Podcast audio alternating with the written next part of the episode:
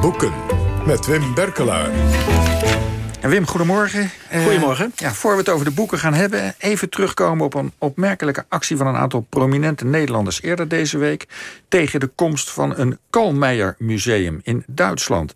Uh, die Kalmeijer is een in Nederland omstreden figuur. Uh, laten we even luisteren naar het nieuws van donderdagavond... en wat journalist Hans Knoop daarover Kalmeijer zegt. Hij heeft mensen van deportatie weten te vrijwaren... door ze Arisch te verklaren. En hij heeft anderen Joden Jood gelaten en meegewerkt aan hun deportatie. Op zijn minst 1500 Joden zijn door Kalmeijer op transport naar de vernietigingskampen gesteld. Ja, bezwaar dus, uh, Wim, tegen die plannen uh, van een Duits museum... om hun gebouwen te vernoemen naar, uh, om een van hun gebouwen te vernoemen naar Kalmeijer en dat gaat dan nog om een vredesmuseum, hè? Ja, dat is het idee. Ja, ik moet zeggen, uh, laat ik uh, klip en klaar van mezelf zijn. Ik, uh, ik denk dat Knoop gelijk heeft. Kijk, ehm, je moet je voorstellen... dit wordt beschouwd als de grote zoon van Osnabrück. Kalmeijer. Ze, wil, ze, willen dat graag. Het punt is, wij hebben natuurlijk een zeker verlangen... naar een goede nazi. Maar het probleem van Kalmeijer is natuurlijk... Leg nog even uit wat hij precies gedaan heeft. En wie, nou, hij, wie hij ook weer eens was. Ja, nee, kijk, Kalmeijer is een, is een Duitse advocaat die uh, in de jaren dertig uh, eigenlijk door de nazi's het onmogelijk wordt gemaakt om zijn uh, beroep uit te oefenen, want hij verdedigt communisten en alles. Maar let op wat hij dan doet, dan maakt hij een stap naar de Weermacht. Dus dat betekent, hij neemt een stap om in dienst te treden bij het Duitse leger. Hij gaat met de Duitse inval mee in Nederland. En hij gaat zich vervelen in Nederland en hij krijgt via hoge connecties bij de nazi's, wordt hij ehm, wordt hij in 41 benoemd bij de Entscheidungsstelle. Dat is dus de, inderdaad de instelling waar jullie net al refereren... waarvan uh, Joden die zich uh, aanvankelijk hebben opgegeven... ja, ik ben Jood, ja, je bent Jood, dus je geeft dat op. Die voelen ineens nattigheid, denken... jongens, dit kan mij, uh, dit kan mij in ieder geval een deportatie uit het oosten opleveren... niet weten nog dat massamoord wordt. En hij gaat dan die mensen ariseren. En het probleem is... Maar wacht even, Wim, heel even voor de helderheid. Je hebt het al gezegd, maar toch even nog één keer heel duidelijk. Het is dus een soort lijst, een soort ding waaruit duidelijk wordt... hoe Joods ben je, ben je Joods genoeg of niet. Ja, en dat, moet hij vaststellen. Dat half hij Jood of kwart Jood, juist, dat half, soort Juist. Ja, het, het, probleem van, uh, het probleem van Kalmeijer is dat hij wel degelijk... Uh, een aantal Joden uh, met hulp onder meer van een Nederlanders... heeft geariseerd. He, dus dat betekent, die heeft hij vrijgewaard voor de deportatie. Maar anderzijds blijft staan dat deze man natuurlijk... min of meer vrijwillig op een post in een nazi-regime kwam... en dus besliste over en dood. Dus ik vind het nogal wat als je in Osnabrück bent... en je gaat een museum stichten, dat je zegt... we gaan een, het Kalmei Museum stichten. Het is ook onverstandig in Osnabrück, want je moet je voorstellen... dat blijft natuurlijk omstreden. Deze man was hoe dan ook in dienst van de nazi's. Omstreden. En dat cijfer van 1500? Ja, nou ja, dat, dat, natuurlijk, dat is, er, dat is er ook. Er zijn ook allerlei Kalmeijer overlevenden. Sterker nog, er is ooit in Nederland een boek uitgegeven door een juriste. Dat was een Kalmeijer overlevende. Geen wonder dat zij zei, die Kalmeijer de deugd. Maar ja, maar ik vroeg eigenlijk naar de slachtoffers, die 1500. Oh, sorry, ik dacht de overlevenden. Excuus. Uh, ja, nou ja, die slachtoffers, dat zijn natuurlijk... Kijk, dan wordt dan gezegd, die slachtoffers zijn gemaakt... omdat hij uh, goede bedoeling had. Had hij misschien, maar hij mhm. heeft ook zijn eigen hachje gered. Want er, zat, er was een Nederlandse SS'er, een tenkate... die de hele tijd zat te loeren. Wat doet die man daar precies? Dus hij heeft een aantal Joden gewoon de dood ingestuurd... om te zeggen, ik ben nog steeds... Om op zijn zeteltje te kunnen blijven ja, Maar, maar, hij is in de jaren negentig, meen ik, in Israël wel Yad Vashem uh, onderscheiden. Ja, in 1992 Yad Vashem.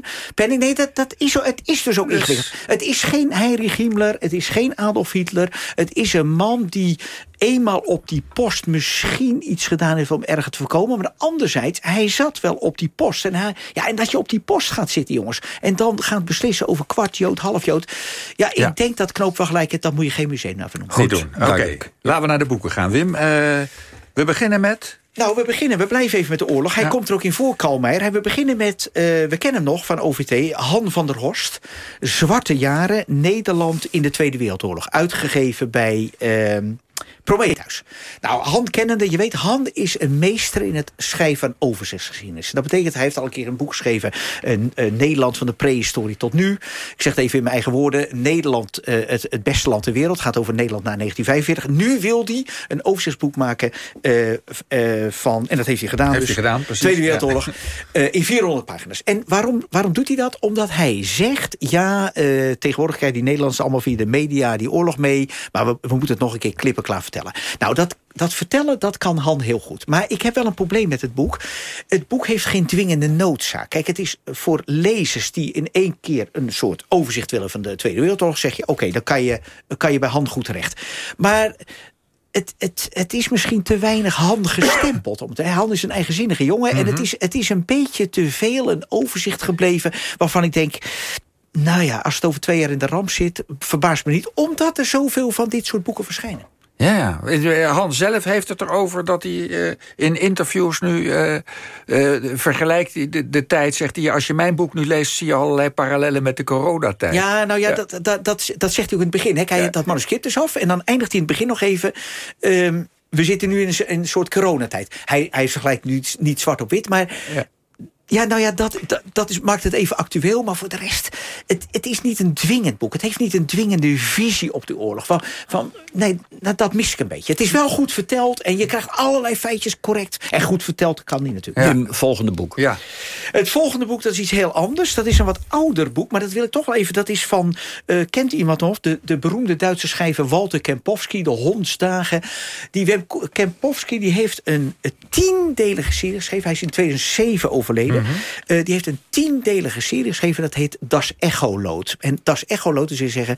Uh, het echoloot, dat is een instrument... waarmee je de diepte van de zee kunt peilen. En wat heeft Kempowski gedaan? Die man heeft 30, 40 jaar allerlei gewone documenten en Duitsers geïnterviewd... om ja. te kijken, hoe was die oorlog? O, ooggetuigenverslagen. Maar oh, dit, ja. dit boek dit heeft dat ook een titel? Ja, nou of. Dit, dit, dit, dit boek heet Zwanenzang 1945. Ondertitel, een collectief dagboek van Hitlers laatste verjaardag... 20 ja. april tot de bevrijding 8 mei. Ja. Een collectief dagboek van Hitlers laatste nee. verjaardag, wat is dat? Nee, nee, nee. nee, nee. het, het, het, gaat om de laatste niet. dagen. We hebben laatst ook nog zo'n boek over de laatste acht dagen van de, wereld, van de Tweede Wereldoorlog ja, maar, dat, maar let op, dat is een samenvatting. Maar wat hij laat zien, en dat is briljant... hij laat de chaos van de Gutte Dämmerung zien. Mag ik één passage voorlezen? Moet je even, even doen. Jongens, dat, dat we, dit is een gewone Duitse vrouw... Elisabeth Kraushaar-Baldauf, in 2002 overleden. Mhm. Mm. Hij, en, en, die schrijft dus dit. Moet je opletten. Vandaag werd ik naar de stallen geroepen.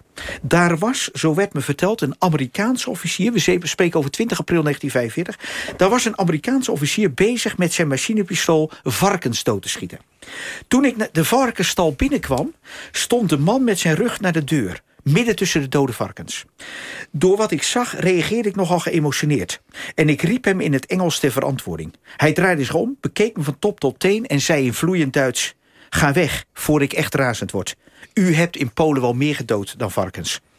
Dat was genoeg om me bliksemsnel uit de, uit de voeten te maken. Wat is nou het geval? Dit was een Poolse soldaat in Amerikaanse dienst... die zijn eigen volk door de nazi's had zien afmaken...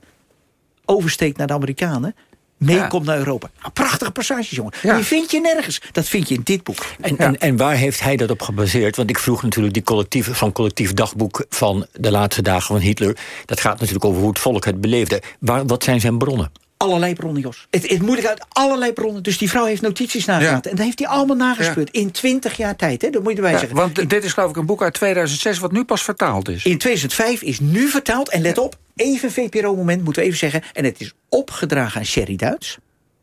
Belangrijk ja? om te zeggen, want Sherry Duits heeft in 1984 nog altijd te kijken... een prachtige documentaire gemaakt over deze Walter Kampowski. Over zijn hele eigen oorlogsverleden.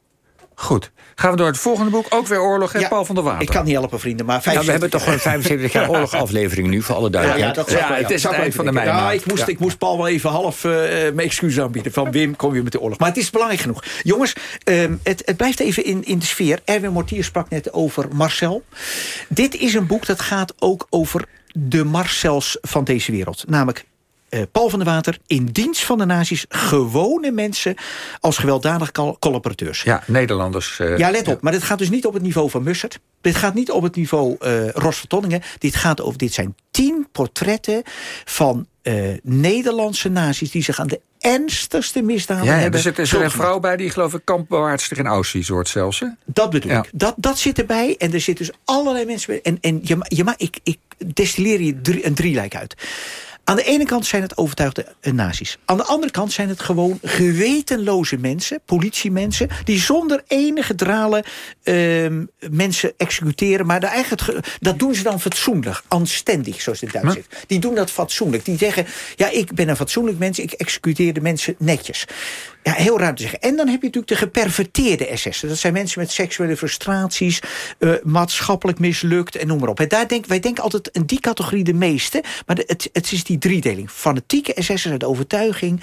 eh, nogmaals, en dan die gewetenloze mensen die het netjes doen... en dan die geperverteerden, die extreem martelen... die bijvoorbeeld zelf eh, aan bondage hebben gedaan thuis... en die dan die, eh, die gevangenen ook opsluiten... en die mensen aan bondageachtig martelen. Verschrikkelijke figuren. Het loopt Hoe heeft u die gevonden? ja, ja, dat is zo goed, Paul. Die, kijk, die man is erop gestuurd via een onderzoek in zijn eigen familie. En dan gaat hij, want let op, daar is een goudmijn. Hij gaat naar het Centraal Archief Bijzondere Rechtspleging.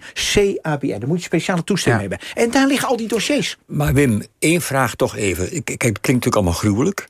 Eh, en alsof je, oh, maar is is dit ook nou- gruwelijk, hoor. Maar is dit nou net niet waar we eigenlijk misschien geen behoefte hebben aan dit soort boeken? Want ik herinner even aan Walter Browning, eh, doodgewone mensen, doodgewone daders, die onderzoek heeft gedaan naar. eh, Moord in, eh, in het oosten, hè, hoe SS-einsatzgroepen eh, mensen vermoorden. En daar blijkt uit dat iedereen het vooral doet om niet voor de ander onder te doen, om solidair te zijn met andere daders. Hè. Dus niet opzettelijk, Ja, maar de groepsdwang. Dit, dit- is dit niet een vertekend beeld? Nee, nee, nee, nee, nee, nee, nee, juist niet. Nee, dat is heel goed dat je dat even noemt. Dat is een goed boek van Christopher Browning. Maar hij laat zo zien. Nee, maar hij laat zo zien dat er dus ge- gewoon gemengde, gemengde gevoelens zijn. Het is niet alleen, want anders krijg je net of ze allemaal fatsoenlijk zijn. Goed, Wim. Wim na- eh, naar, het, eh, naar het laatste boek, het boek van de maand, eh, moeten we ook nog een beetje tijd voor overhouden. Ja, geen- Luisteraars gaan- die mee willen doen naar de verloting, kunnen het liken op Facebook of een mailtje sturen. Wat is het geworden? Vertel. Het gaat niet over de oorlog, zeg ik tegen jou, maar het gaat weer over gruwelen. Vrienden, het is een beetje een gruwele uitzending van mijn kant. Dit heet, dit is van een Poolse journalist, Witold Slapowski, uitgever Nieuw Amsterdam. Het heet Aan tafel bij dictators. En het gaat over naoorlogse dictators, dus geen geen Hitler en Stalin. Dit is Aan tafel bij Saddam Hussein, Idi Amin, Enver Hoxha, Albanese leider, eh Pol Pot, de Cambodjaan, eh, Fidel Castro. Dit, zijn, eh, dit is een geschiedenis geschreven. Niemand moet hier verwachten dat dit culinaire hoogstandjes biedt. Dit staan is er wel geen recepten in? Er staan recepten in. Ja, heb je iets geprobeerd, Wim? Ik heb niet iets geprobeerd, maar er zat één sober... want er worden allemaal speenvarkens gegeten. Die, het verschrikkelijk. Maar één sober minuutje wat eindigde op chocoladepudding... begon met groentesoep. Nou, dat beviel mij wel. Maar ik zeg je, dit is geen kookboek. Dit is een boek van koks die van dichtbij die mensen beschrijven in alle hun kleinzieligheid. Kijk, en Verhotsja bijvoorbeeld, de Albanese leider... die wilde alleen maar eten wat zijn moeder schafte. Die kok stond doodsangst Ja. uit. Dus wat gebeurde? Die, eh, die probeerde alsmaar uit te vinden... wat, wat at uh, uh, Enver Hoxha thuis, de dictator. En Voja is, is de leider van Albanië, Ja, het. Maoïstische Albanië, waar, waar wij in de jaren 70 mensen Ja. van dachten, daar moet je zijn. Paul Rozenmuller is er nog Ja, geweest. en, Maar- en, en- en- en wat had eh, Saddam Hussein graag? Saddam Hussein, die, die had... Maar let op, Saddam Hussein, die had eh, ook van die thuisrecepten. ja, ik kan ze niet eens meer reproduceren. Maar die probeerde ook zijn koks uit. Dus die kookte zelf wel eens. En dan was het gloeiend heet. En die kok die beschrijft dus, dan krijgt hij een gloeiend heet iets voor zich. Dan zegt hij, nou, als, als, eh, als ik dit zou koken voor Saddam Hussein... verschrikkelijk. Saddam Hussein hoort dat. Ja. En zegt, wat hoor ik? Jij vond het te heet?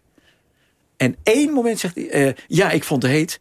Oké, je krijgt eh 500 dollar. Omdat hij eerlijk was. Maar ja, Ja. Maar Alle- let al- op. allemaal vleeseters? Al, nou en of allemaal vleeseters. Nee, er zit geen vegetariër bij helaas. Maar let op één ding moet ik zeggen. Wat interessant is. Die koks zitten dicht bij de macht. En die zijn dus altijd sympathiserend gebleven. Goed, eh, Wim bedankt. Eh, wie kans wil maken op dit bijzondere boek over eten... like het op Facebook of stuur een mail naar boekvandemaand.vpro.